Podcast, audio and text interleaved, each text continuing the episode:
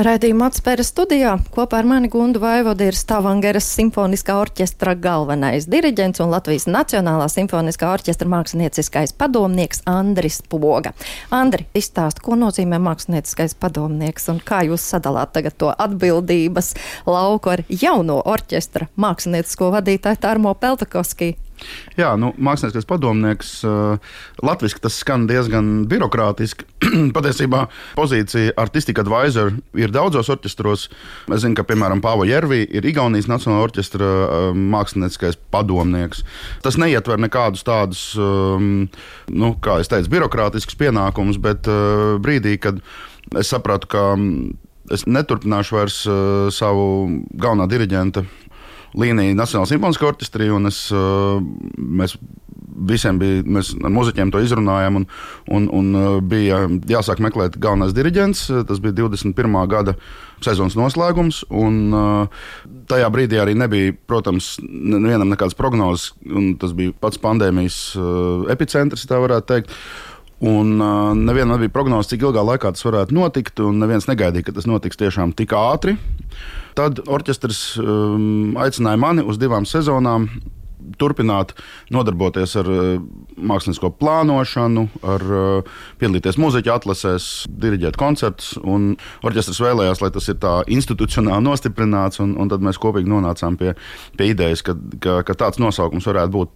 Patiesībā pats galvenais fokus ir tātad šī nepārtrauktības vai tāda tilta radīšana starp iepriekšējo periodu un nākamo periodu. Un, ar Tarmo esat domu biedri jums sasniegt? Nu, man jāsaka, ka uh, gan, manas, gan viņa aizņemtības dēļ, gan manas aizņemtības dēļ mēs pārāk daudz uh, savstarpēji neesam komunicējuši. Bet uh, tad, kad viņš sāk strādāt, mēs apspriedām viņa, uh, viņa idejas un viņa programmas. Un, vadoties no tā, es veidoju to, kas ir pārējais, gan viesdiriģenta atlases, solista atlases programmas. Un uh, mans uh, māksliniekā padomnieka līgums beidzas uh, šīs sezonas beigās, maija beigās.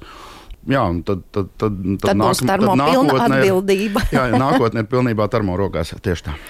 Tas ir jauki, ka arī ar iepriekšējiem diriģentiem Nacionālais orķestrs vienmēr uztur eh, ļoti jaukus un labus sakarus. Arī, arī Elts piemērs nu pat, un orķestrs ir priecīgs vienmēr arī satikties. Bet eh, par Francijas tūri pēc četru gadu pārtraukuma tagad orķestris tavā vadībā nākamnedēļ dodas uz eh, Franciju, uzstāsīties Parīzē, Mecā, Aix-en-Provencā. Cik nozīmīgi ir orķestrim nu, izrāviens ārpus tās lokālās vides? Nenovērtējami nozīmīgs. Tas tiešām ir ārkārtīgi svarīgi. Sevišķi šajos laikos, kad orķestra turnēs norganizēt ir arvien grūtāk un, protams, arvien dārgāk. Un, es domāju, ka um, jā, tam ir divas puses. Viena puse, un, un tā, tā ir vienmēr bijusi mūžīga diskusija par šo te idejisko un attīstošo nozīmi un praktisko pusi. Ar praktisko pusi es domāju ne tik daudz stūres loģistiku, cik ideja kā tādu, ka vienas pilsētas vai valsts uh, simfoniskais orķestris, kuram ir sava publika, kuram ir sava, sava vieta uh, konkrētā pilsētā, mūsu gadījumā tā ir Rīga, bet, protams, jebkuras citas lielas pilsētas orķestris, vai tā būtu galvaspilsēta Vācijā, kā Berlīna vai Minhena, Hamburga, jebkura, jebkurā no šīm pilsētām ir, ir uh, pat jāsaka vairāk simfoniski orķestri, katram ir sava publika, katram ir savs savs profils, eh, mākslinieckais un repertuārs. Un vienmēr ir šis jautājums, eh, nu labi, bet kamdēļ orķestrim būtu jādodas, eh, jādodas lielā turnējā? Un, jo tas taču un, ir dārgi. Un viena lieta, tas, ka, ka, ka, ka tas maksā līdzekļus, bet otra lieta, kas arvien vairāk nāk, nu, jāsaka, modē, sevišķi Skandinavijas valstīs, tā ir šī zaļā domāšana. Un, un, protams, ka lidot ir um, ekoloģiski nu, vidēji, vidēji teikt, kaitējoši. Un, un, un, protams, ir arī, ir arī daži orķestri, kas izvēlas pārvietoties ar, um, ar, ar zaļākiem transporta līdzekļiem, kā piemēram ar, ar, ar vilcieniem. Un, un, uh, tur gan arī var diskutēt, protams, bet, bet labi, tā, tā ir šī puse, kāpēc um, orķestrim vispār būtu jādodas kādās turnējās. Un, un es zinu, ka, ka šim, šīm idejām, es nezinu, vai tas ir pie mums Latvijā tik ļoti, bet, bet daudzās valstīs esmu dzirdējis arī šādus. Nu, šādas bažas vai šādas pārdomas par to, tad es, es varu teikt tikai vienu. Protams, pasaulē ir ļoti daudz orķestru, un jebkurā no šīm vietām es neesmu par meču pārliecināts, bet no šīm pilsētām, uz kurām mēs dodamies, Parīzē, protams, un arī Eksemprovāncā, tur ir arī savi orķestri, un viņiem ir sava publika. Bet viņiem ir arī koncerta zāles. Uh, viņiem arī ir koncerta zāles, protams, jā, bet, uh, bet tad, tad rodas tas jautājums, nu, kas, kas, ir tas, kas, kas ir tas pamatojums, kāpēc vispār ir šai starptautiskajai orķestra apmaiņai jānotiek. Un es domāju, ka uh, viena lieta ir tas, ka mēs uh, varbūt nu, prezentējam kāds ir Latvijas Nacionālais simfoniskais orķestris, un mēs arī vedam līdzi mm, latviešu mūziku. Šajā, šajā reizē tas būs Pēters Vasks. Bet otra lieta ir, eh, es domāju, no mūziķu un orķestra muzikālās tādas labklājības, muzikālās veselības viedokļa, ir ārkārtīgi svarīgi doties turnējās. Un uh, tas, ko orķestra mm, spēles kvalitātei un, un, un mākslinieckai kvalitātei dod braukšana starptautiskās turnējās tas ir praktiski neiespējami panākams visu laiku dzīvojot uz vietas. Es atvainojos, tas ir tikpat svarīgi, man liekas, ka jebkuram, bet, eh, protams, mūziķiem, kas ir starptautiska un konvertējama māksla, bet tas tikpat svarīgi arī, arī piemēram, radio kolēģiem. Mūsu nu pat Anna Veisman bija Piteo un bija bilingvalā tiešraid, un arī viņa saka, cik svarīgi ir redzēt, kā citi cilvēki strādā, un tad arī salīdzināt, kas mums ir labs, un tāds arī atrodas, protams, vienmēr, jā, tā kā tas, protams, protams, ir nozīmīgi. Jūs spēlēsiet um, vairākas programmas, mazliet atšķirīgas arī katrā vietā, un skaidrs, ka tur būs arī latviešu mūzika. Jā, divos no koncertiem skanēs Pētera Vaska mūzikas arēna, ko klausītāji varēja arī mm, vakardien tie, kas bija klāt lielajā ģildē vai ar klasikas gādību nodrošinātajā tiešraidē.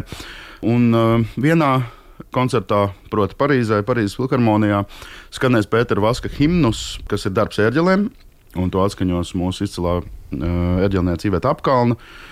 Man šķiet, ka tas ir tāds uh, absolūti nepieciešams komponents. Ja orķestris uh, brauc turnējā, tad uh, prezentēt to, kas ir labākais, uh, kas pie mums ir radīts mūzikā. Sagadījies ir tā, ka nākamā nedēļa tevis jau pieminētais Pāvo Jervī. Es domāju, ka viņš ir uh, tevis ļoti cienīts diriģents arī un zināmā mērā varbūt pat skolotājs, jo tu taču biji otrais. Nu, diriģents. jā, varbūt es, es nesaucu varbūt par skolotāju, mentors savā mentors. Noteikti, jā. jā. Viņš ar uh, koncertgabevu orķestri tūrēs pa Franciju. Un tur līdzās arī Beethovenam viņa spēlē arī Prokofievu, starp citu, tikai piekto simfoniju. Un ja mēs paskatāmies uz programmām, tad uh, Krievu mūzikas klasika ka joprojām pasaules koncertzālēs skan ļoti daudz, un šajā ziņā laiks it kā nav ienesis ļoti lielas izmaiņas. Kāda ir, Andri, tava pieredze plānojot repertuāru vai spēlējot jau sen saplānoto? Kas nosaka šobrīd to izvēli, ko nu, spēlēt? Nu, jā, no 95. man jāsaka procentos gadījumu no 100 saplānotās programmas realizējas tā, kā viņas ir, ir, ir bijušas tas, kas ir tas uh, moments, uh, nu, ko es vienmēr esmu teicis, kad man šāds jautājums ir uzdots, uh, kur ir tā robeža, cik daudz mēs šajos nu, tādos um, ļoti nu, jā, kara apstākļos un, un vispār šajos laikos, kas ir, kas ir ļoti, ļoti turbulenti, jāsaka, politiskā ziņā. Kur ir tā robeža, kur mēs uh, šo krievu kultūru kā, mm, respektējam vai, vai, vai tieši otrādi nerespektējam? Tad mana pozīcija ir ļoti, ļoti skaidra un vienmēr tāda bijusi. Uh, mēs nekādā ziņā nedrīkstam sadarboties ar māksliniekiem, kuri sev kompromitējuši ar uh, noziedzīgo režīmu Krievijā. Viennozīmīgi. Tas, tas vienkārši nav, nav pat nozīmes pieminēt šos māksliniekus. Visi viņi zina tāpat.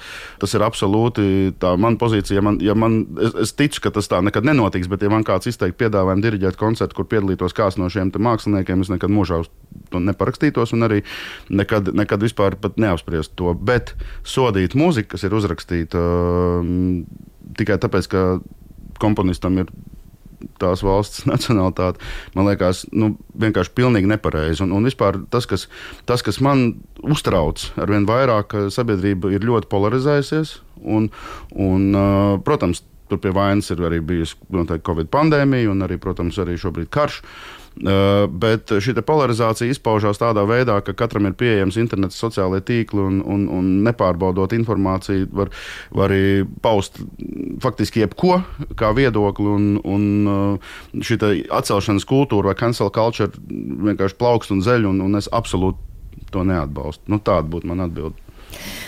Jā, tā ir tā aizturētā enerģija, kurai kaut kā ir jāeksplodē, un bieži viņa eksplodē vietā un nevietā. Tu esi arī spēlējis nu, vairākus koncertus Ukrainas atbalstam. Mums, starp citu, arī ir Ukrainas nedēļa klasikā no 20. februāra. Kā tu izsver, ko šajos koncertos vēstīt Pamatā, caur kādu prizmu. Jā. Pamatā tie ir bijuši koncerti diezgan spontāni tapuši. Bergenā, ķelnē. Jā, tieši tā, un Rīgā arī. Mm -hmm. uh, tie, tie visi risinājās pagājušā gada martā. Un, uh, protams, ka tā, tā ir vienmēr tāda sadarbība ar tiem, kas koncertu plāno un rīko. Un, un, un konkrēti ķelnē e, tur tā bija, tā bija man šķiet ļoti skaists e, un, un, un ļoti vajadzīgs un vietā notikums. Tur piedalījās visi ķelnes muzikālajie kolektīvi, diezgan daudz solistu. Koncerts bija ļoti, ļoti izvērsts, vairāk nekā trīs stundu garumā. Un, un tas koncerts bija ne tikai kā morālais atbalsts, bet um, koncerta biļešu ieņēmumi tika tiešām arī ziedot Ukrainai. Un, un tas, tas, tas toreiz bija tāds ļoti, ļoti man šķiet vietā un laikā iederīgs notikums. Eh, starp citu, vēl par repertuāru runājot, eh, nu, nevienmēr diriģents ejot pie citu orķestra var izvēlēties repertuāru. Un pavisam nesen vienā sarunā es uzzināju, ka pat Maris Jansons, ejot pie Berlīnas filharmoniķiem, nevarēja izvēlēties programmu, jo Saimons Retlis viņam esot pateicis, ko viņš var spēlēt un ko nevar. Man tas likās tāda līmeņa cilvēkiem, kad Saimons Retlis ir vēl pateicis, ka Maris Jansons ir lielākais no mums un tomēr neļaut viņam izvēlēties skaņdarbu. It kā balstot to apsvērumā, ka nu, katram orķestrim, protams, ir sava stratēģija un katram diriģentam, protams, ir arī tie darbi, ko viņš grib pats nospēlēt ar orķestri. Kā tas ir bijis eh, tavā gadījumā, ka tu ej Jau ar konkrētu piedāvājumu no citiem orķestriem? Manā pieredzē ir tā, ja tu ej pie kāda orķestra un sevišķi tas ir tiešām augstas, augsta ranga orķestrs, pirmajā reizē, tad, eh, protams, ir programmas piedāvājums, kuru droši vien ar nelielām diskusijām, bet tomēr tu pieņem.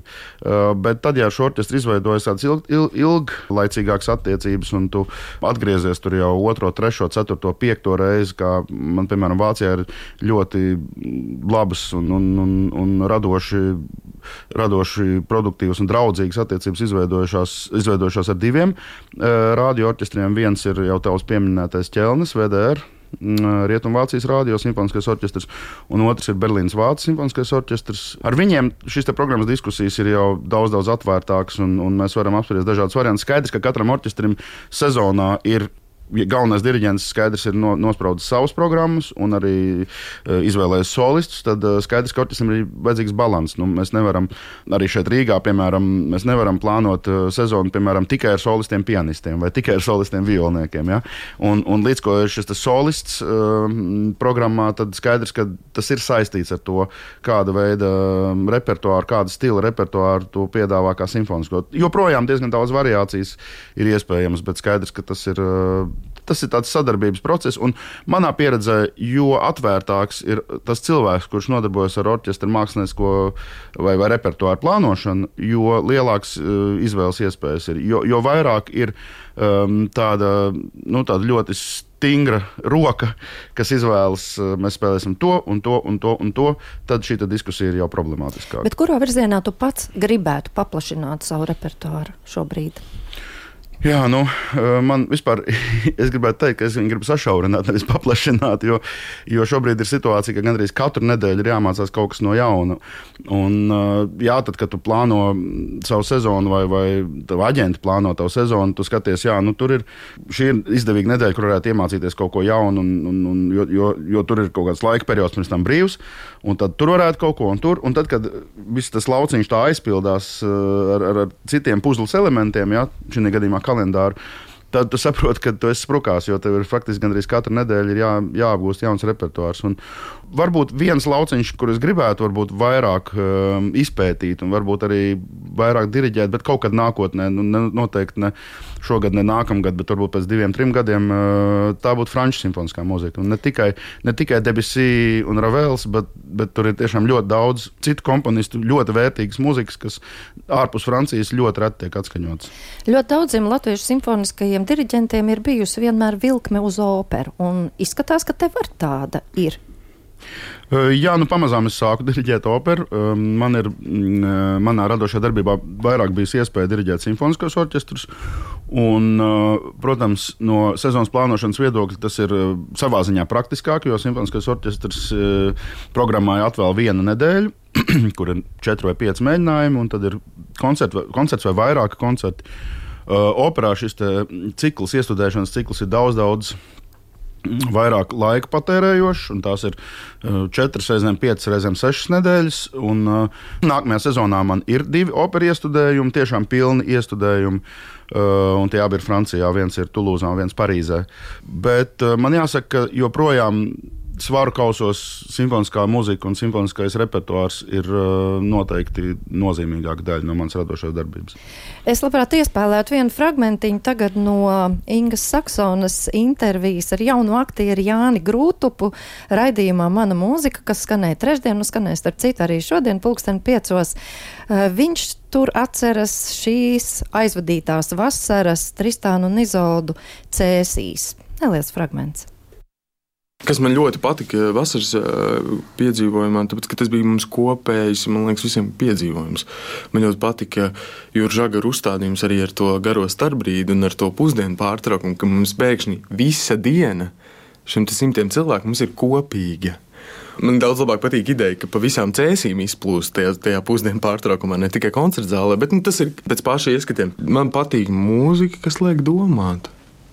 Un tāpēc es biju pilnībā šokā, kad es izlasīju pēdējo mm, Gunts Vaivads interviju ar Elīnu Garanču, kur viņa teica, ka Vāgneru dziedāt ir viegli. Nu, man pasaule vienkārši sabruka. Tāpēc, man liekas, taču, nu, tādi jautājumi, nu, nē, aiziet ir grūtāk.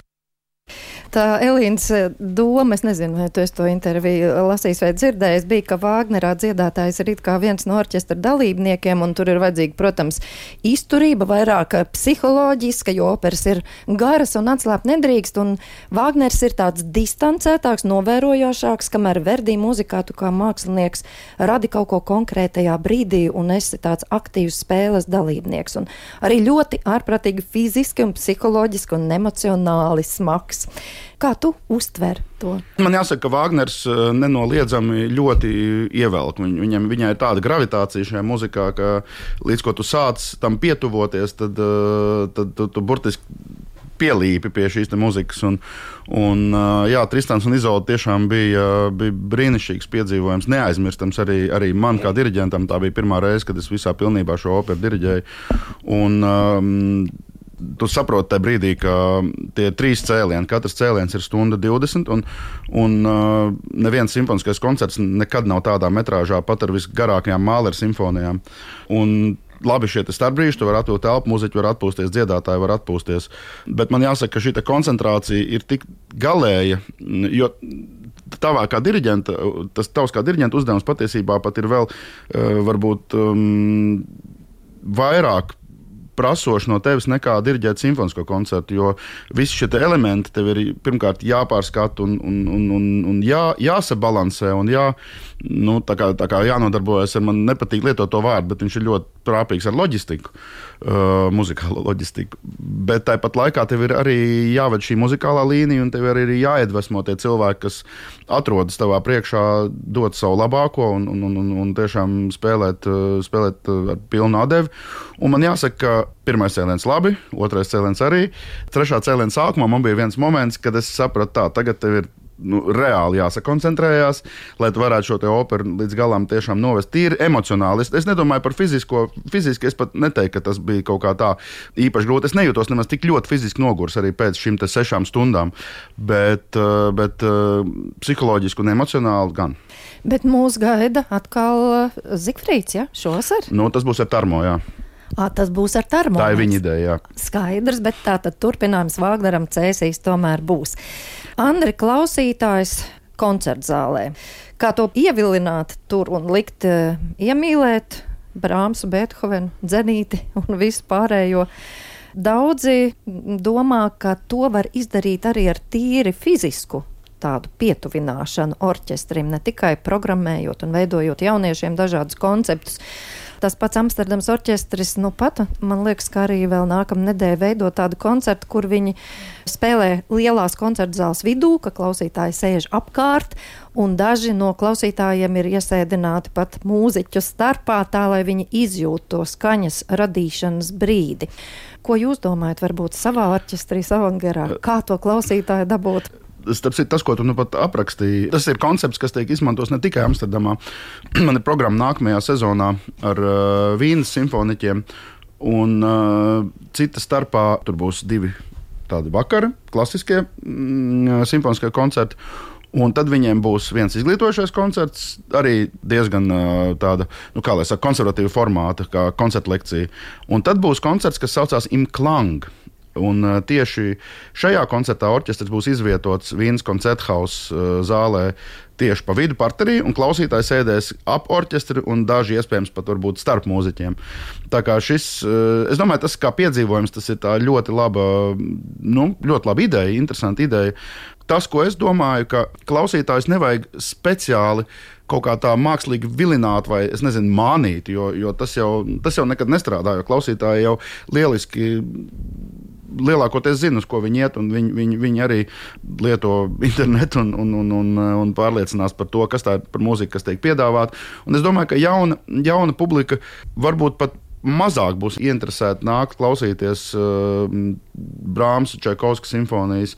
Um, jo viņiem nav daudz references uz šo mūziku. Bet, piemēram, ja mēs piedāvātu Filipu Glāsu vai, vai, vai kādu citu no minimālistiem, vai, vai kaut ko vēl, varbūt um, eksperimentālāku un, un, un, un jaunāku, tad uh, es domāju, ka mēs, es, mēs to esam arī pārliecinājušies šeit Rīgā par to.